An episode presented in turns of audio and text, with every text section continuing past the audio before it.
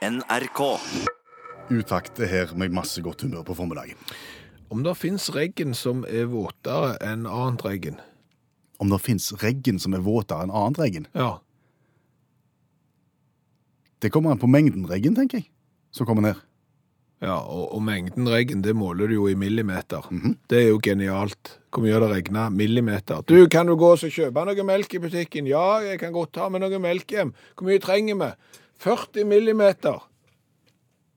Ikke bare lett. Nei, jeg har jo ikke forhold til millimeter. Det blir jo som å si at hvor langt er det mellom Kristiansand og Oslo? Det er 160 000 liter. Det er jo bare eh, tull og vas. Én millimeter nedbør, det tilsier jo at det har kommet én liter med vann på én kvadratmeter. Det er én millimeter nedbør. Da, da klarer du å få et bilde av hvor mye det er. Ja. Men, men tilbake til spørsmålet. Fins det regn som er våtere enn annet regn? Mm. Fins det et regn La oss si at det har regna 10 millimeter på en time, eh, og, og da er, det, er du våtere enn hvis det hadde regna 10 millimeter av en annen type nedbør. For det er jo forskjellige typer nedbør. Og veldig stor forskjell på det. Ja. Du føler jo noen ganger at du blir fortere våt enn andre ganger. ja.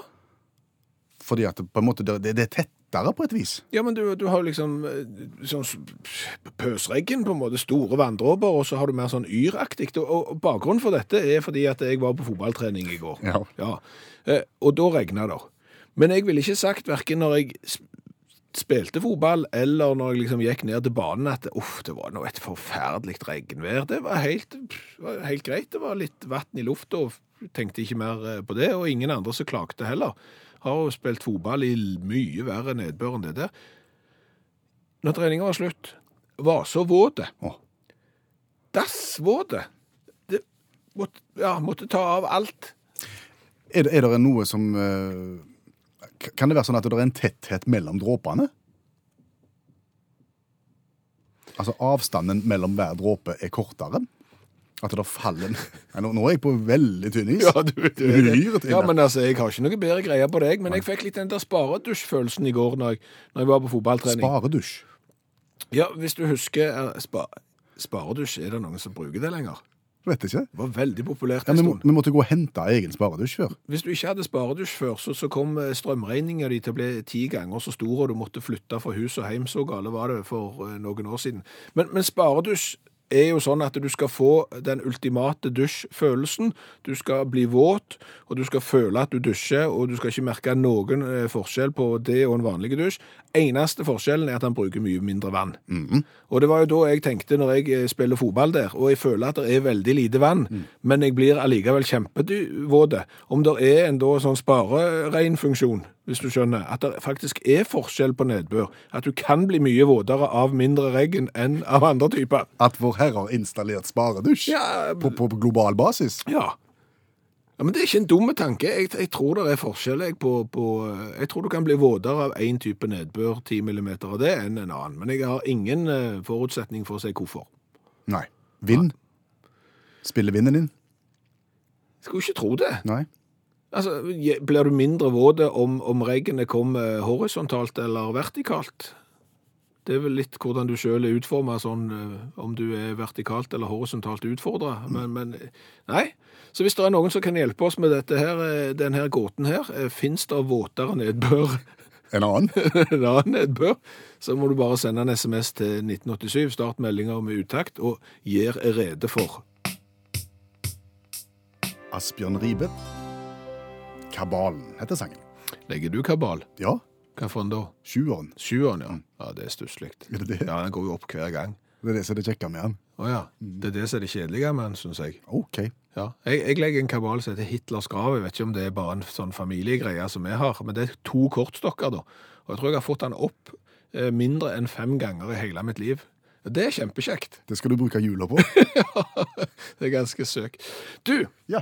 det kan godt hende at du som sitter og hører på radio nå i Troms og, og Finnmark eller på, på Østlandet en plass, syns det er utrolig kjedelig å høre på utakt eh, fortelle om værvarselet i Hordaland og Rogaland. Men vi gjør det likevel, for det er ganske voldsomt. Ja, der er meldt eh, noe sånn som 300-400 millimeter nedbør de nærmeste dagene, og faren for snøskred, jordskred og flom skal være eh, stor. Og, og hvis vi går tilbake til det vi snakket om, om millimeter og regn og så litt vrient og sånn, hvor mye er dette egentlig snakk om? Nei, tar du 300 millimeter nedbør, det vil si du heller 300 liter med vann på 1 kvadratmeter i løpet av de neste dagene, så ser du at det, jo, det er faktisk eh, ganske mye vann. Det er voldsomt. Ja, men gjerne ikke voldsomt nok. Det er voldsomt. Jo, men poenget er jo det at vi nordmenn har jo en sånn egen eh, evne til å enten glede oss over at vi er gode til noe som er i liten målestokk, eller så har vi en evne til å klage over ting vi syns er gale, men som sannsynligvis da ikke er gale i en stor målestokk. Det var mye visdom på en gang. Det var veldig mye vist, sant? Vi liker å være verdens beste skinasjon, og så må vi bare innse det at det, for eksempel, det er ikke så mange som går på langrennsski. Det må vi ta inn over oss. Og når vi da klager på 200-300 millimeter nedbør, å, det er så mye, det er forferdelige greier, så er det jo kanskje egentlig ingenting. Vi er ikke i uh, Obos-ligaen i nedbør engang. Og vi, nei. Nei. vi er ikke i, for å si sånn, det, vi er ikke i divisjonssystemet når det gjelder nedbør engang. Fordi at det, Indre Matre, da er vi vel i Hordaland, tror jeg, de har vel nedbørsrekorden. Kan, kan være jeg tar feil, men det er sånn cirka. 229 millimeter nedbør på ett døgn. Det er mye. 229 liter vann på 1 kvadratmeter på ett døgn.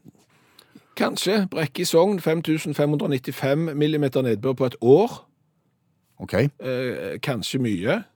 Men, sant? Vi må sette det her i perspektiv.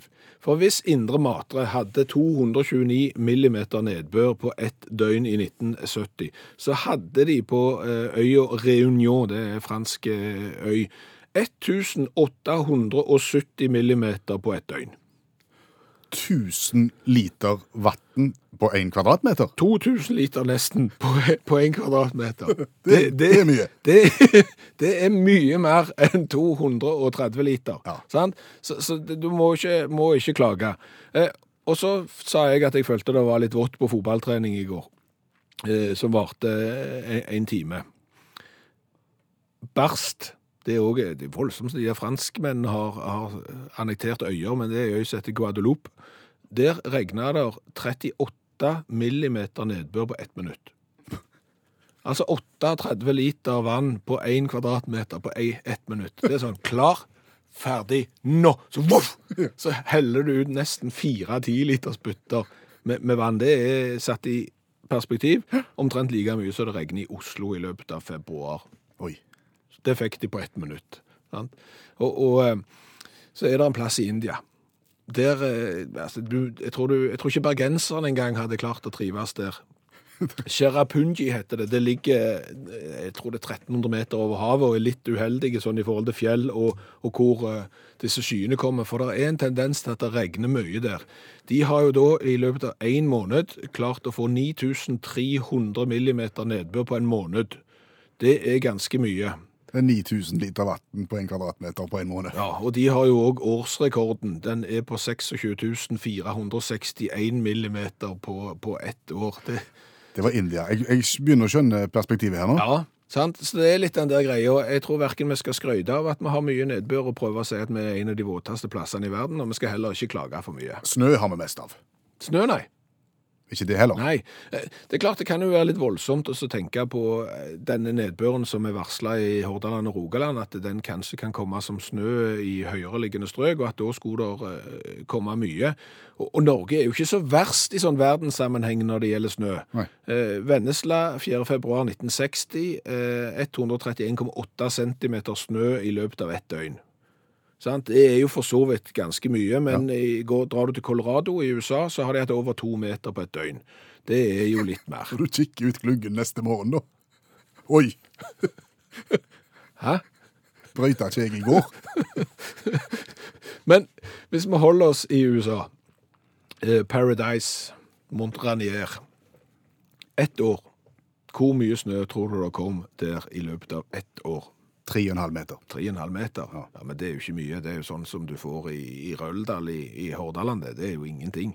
6 meter. Det er heller ingenting. 12 meter. Nei. 31 meter snø falt der, falt der mellom 19. februar 1971 og 18. februar 1972. Det, 30 meter. vent, jeg tror vi må ut. Hallo, er det noen som skal være med ut og måke? Vi har sagt det før, men vi gjentar det gjerne. Det fins mye litteratur der ute som en burde ha vært igjennom, men som det dessverre ikke blir tid til. Ja, og, boka vi skal gjennom i dag, den inneholder så mange sider at jeg kan garantere deg, Per Øystein, den der boka kommer jeg aldri til å lese. Jeg har prøvd å se filmen, som er flere filmer, og de er så lange at jeg har ikke orka å se de heller. Og jeg tror dette her er et eksempel på ei bok som veldig mange sier de har lest, men så er det bare tull og tøys. Løgn og fanteri. Ja. Det vi gjør i radioprogrammet Utakt, hvis du ikke vet det fra før, vi innhenter hjelp, og så tar vi for oss én litterær klassiker eh, hver tirsdag og går igjennom den på fire minutter. Så i løpet av fire minutter så skal du kunne være i stand til å gå ut i selskapslivet og framstå som om du har lest verket. Så slipper du å lese mange tusen sider eller å bruke tolv timer på film. For eksempel. Og hun som hjelper oss, Janne Stigen Drangsholt, forfatter og litteraturviter.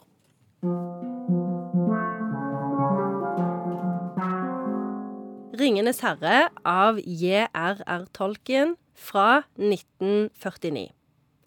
Frodo Lommelund blir venn med en vis mann med langt, hvitt skjegg, og blir med han for å ødelegge en ring.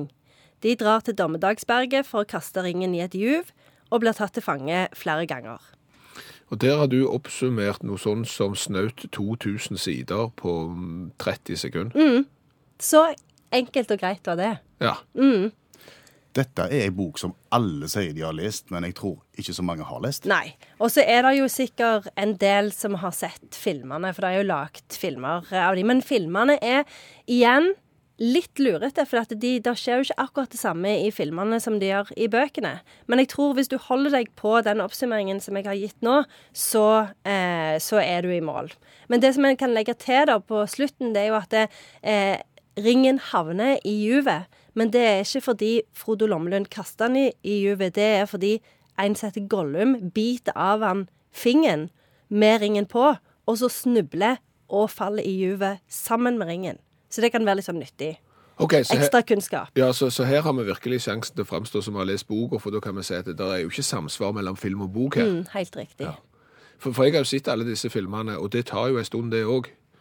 Så, så her kan du velge mellom å lese 2000 sider, se ni timer med film, der noen går, slåss, går litt til, slåss litt lenger, så går de enda lenger før de slåss, og så var den filmen slutt. Ja, nemlig.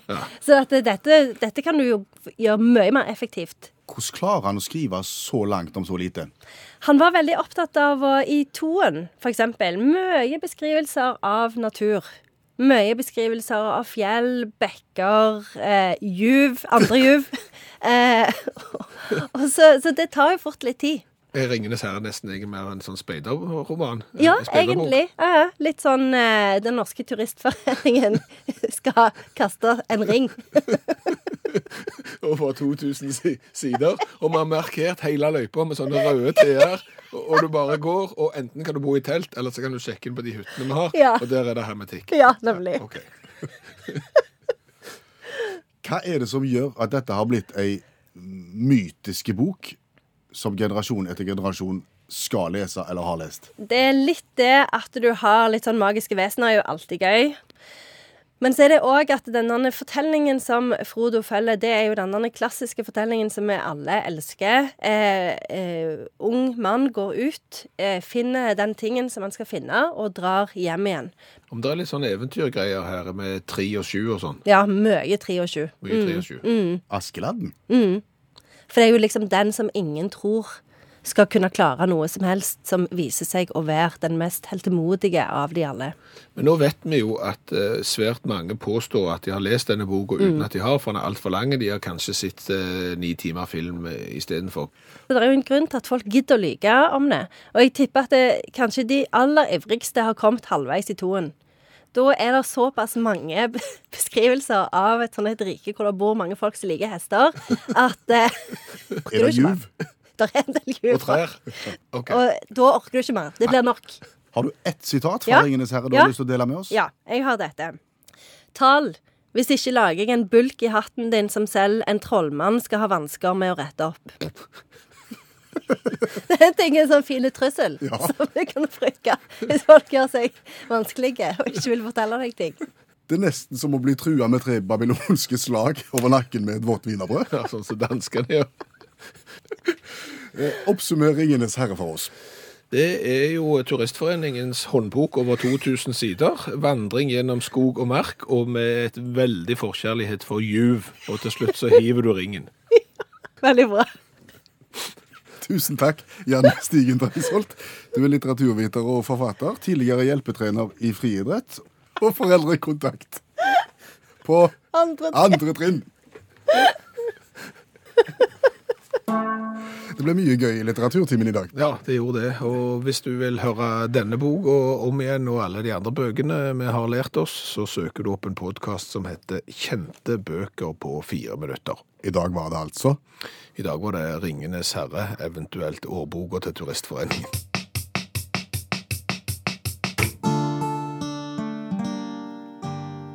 Utakt presenterer ting du ikke trenger å vite, men som det kan være greit å vite likevel. Visste du det at verdens korteste krig er 38 minutter? Nei, det er kort. Ja. Veldig kort. Det er faktisk eh, veldig kort. Eh, 27. august eh, 1896, eh, krig mellom Storbritannia og Zanzibar. Eh, årsaken til krigen var at eh, sultanen Hamad, han døde. Eh, han var britisk vennlig. Eh, Så fikk de en annen eh, sultan som ikke var britisk vennlig, og han hadde ikke britene lyst på. Så da sa de, jeg tror du skal tre av, for vi har en annen sultan som vi heller vil ha. Og, og da sa han sultan, nei, det orker jeg ikke, jeg har lyst til å være sultan. Så han forskansa seg da i palasset sitt. Britene sa hvis du ikke forlater palasset, så angriper vi. Klokka to minutter over ni så angrep de palasset. Var de mange? Ja, ganske. Eh, Tre kryssere, to kanonbåter og 150 marinesoldater annet. De angrep med full styrke, og 38 minutter etterpå så var eh, krigen eh, over. Kort, det- men var det mange som omkom? Ja, eh, det var det. Omkring 500 av sultanens soldater ble drept eller såret, mens det kun én britiske sjømann ble skada. Og dette var på en måte kroken på døra for Zanzibar sin selvstendighet og begynnelsen på en periode med tung britisk innflytelse. Men altså, historiens korteste krig 38 minutter. Men konklusjonen? Krig, galskap, uansett. Og I helga så var jeg i hovedstaden, det har vi snakket om tidligere. Og litt tidlig på søndag formiddag Ja. så var jeg på Lillestrøm stasjon. Det var det sikkert mange som var. Det var det veldig mange som var, for da skulle Lillestrøm-supporterne inn til, til Ullevål stadion for å gå på cupfinale. Og det gleda seg sikkert, og det hadde de jo rundt det. Ja. Eh, Men det som jeg observerte, det var at utgangspunktet her, det var minus nesten ti grader ja. på Lillestrøm akkurat da. Og folk som skulle på kamp, var kledd veldig ulikt. Du hadde de som hadde kledd seg opp som en sånn nærmest en Michelin-mann med svære boblejakker og hua og masse stillongs og alt som var. Jeg tenkte det er fornuftig, Ja. for du, det kommer til å bli kaldt på Ullevål i dag. Og så hadde du de som kom i hettegenser og dongeribukser, joggesko og caps. Ja. Og ikke vanter. Nei. Du kommer til å fryse, tenker jeg. Ja. Ja. Og da fikk jeg fikk meg til å tenke på eh, Er det sånn at noen av de bare hadde kledd seg dumt, eller er vi skrudd sammen sånn at eh, noen fryser bare ikke på Ullevål med hettegenser? I fotballsammenheng så, så, så ser du jo folk som står i bar overkropp og heier på. Det tror jeg er mer en sånn en gimmick. De fryser nok, og de angrer nok når de kommer hjem. Ja.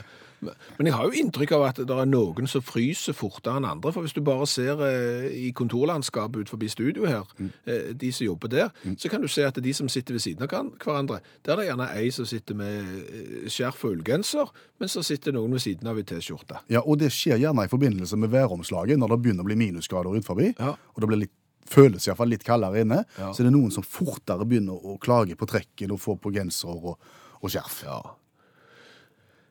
Jeg tenker jo at det kan ha med kroppsmasse å gjøre. Tror du det? Ja, bitte litt. Altså, det er vel en grunn til at eh, sel og hvalross og sånn klarer seg rimelig greit i kaldt vann. At de har sånn spekklag, liksom, og at Veldig, at det hjelper. det er veldig interessant at du bringer inn vann og, og sel her. OK?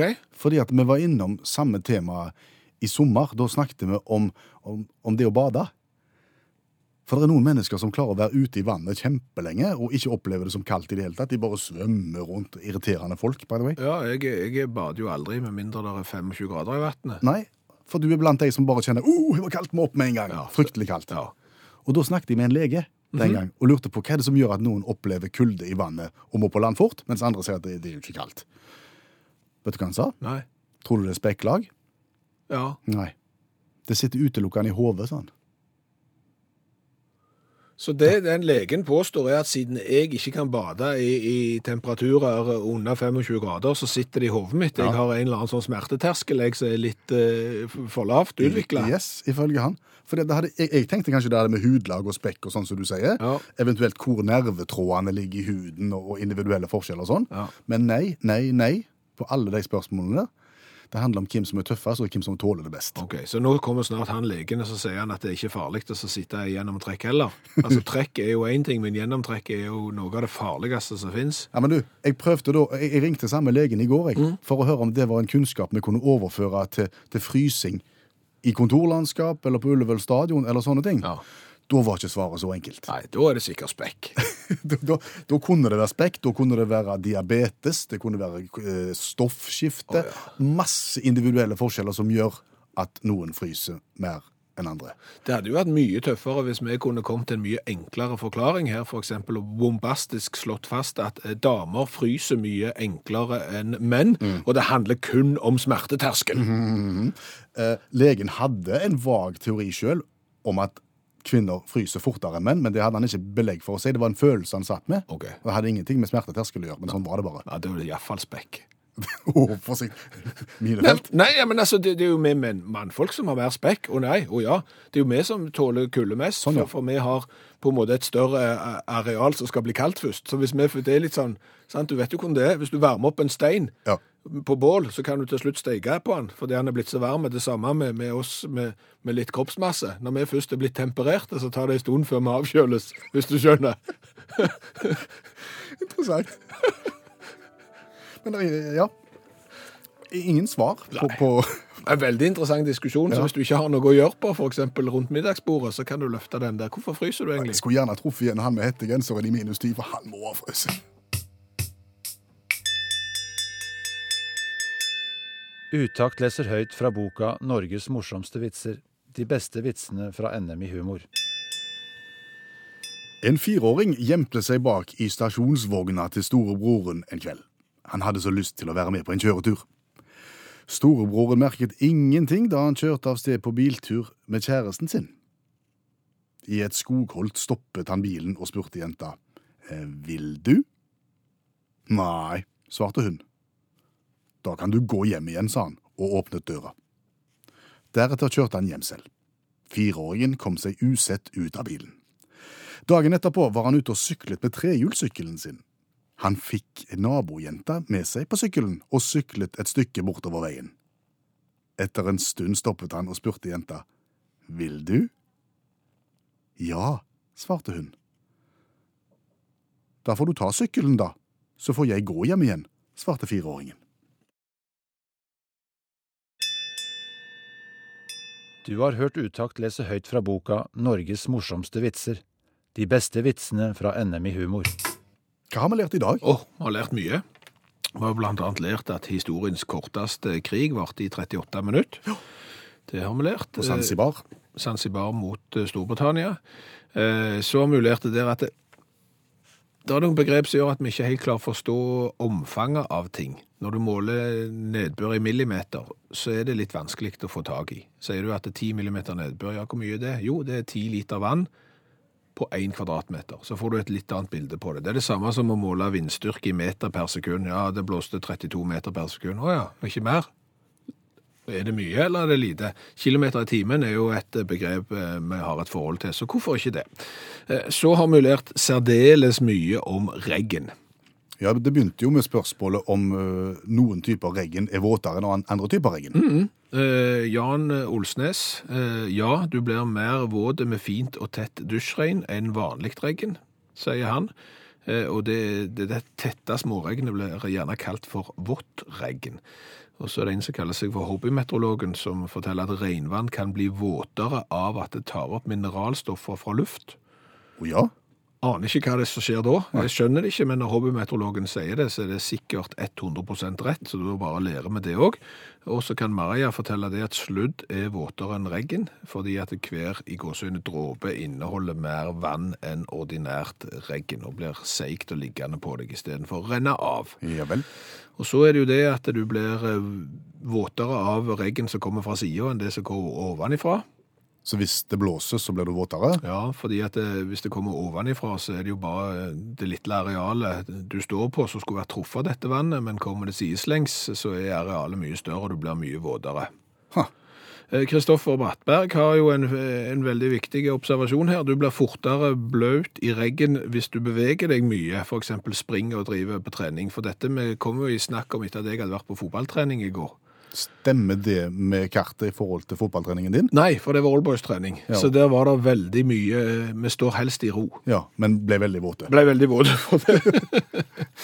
Elisabeth kan eh, arrestere oss og si at Ringenes herre er på knapt 1000 sider. Vi sa Ja, men vi sa 1500, men, men det er, kommer vel an på hva tid det er trygt, hvor store bokstavene er og, og, og den slags. Eh, Men mannen Frank eh, til Elisabeth og, og sønnen er akkurat ferdige med å lese høyt Ringenes herre for eh, deres tolv år gamle sønn. OK. De har brukt vel tre år. Hør flere podkaster på nrk.no podkast.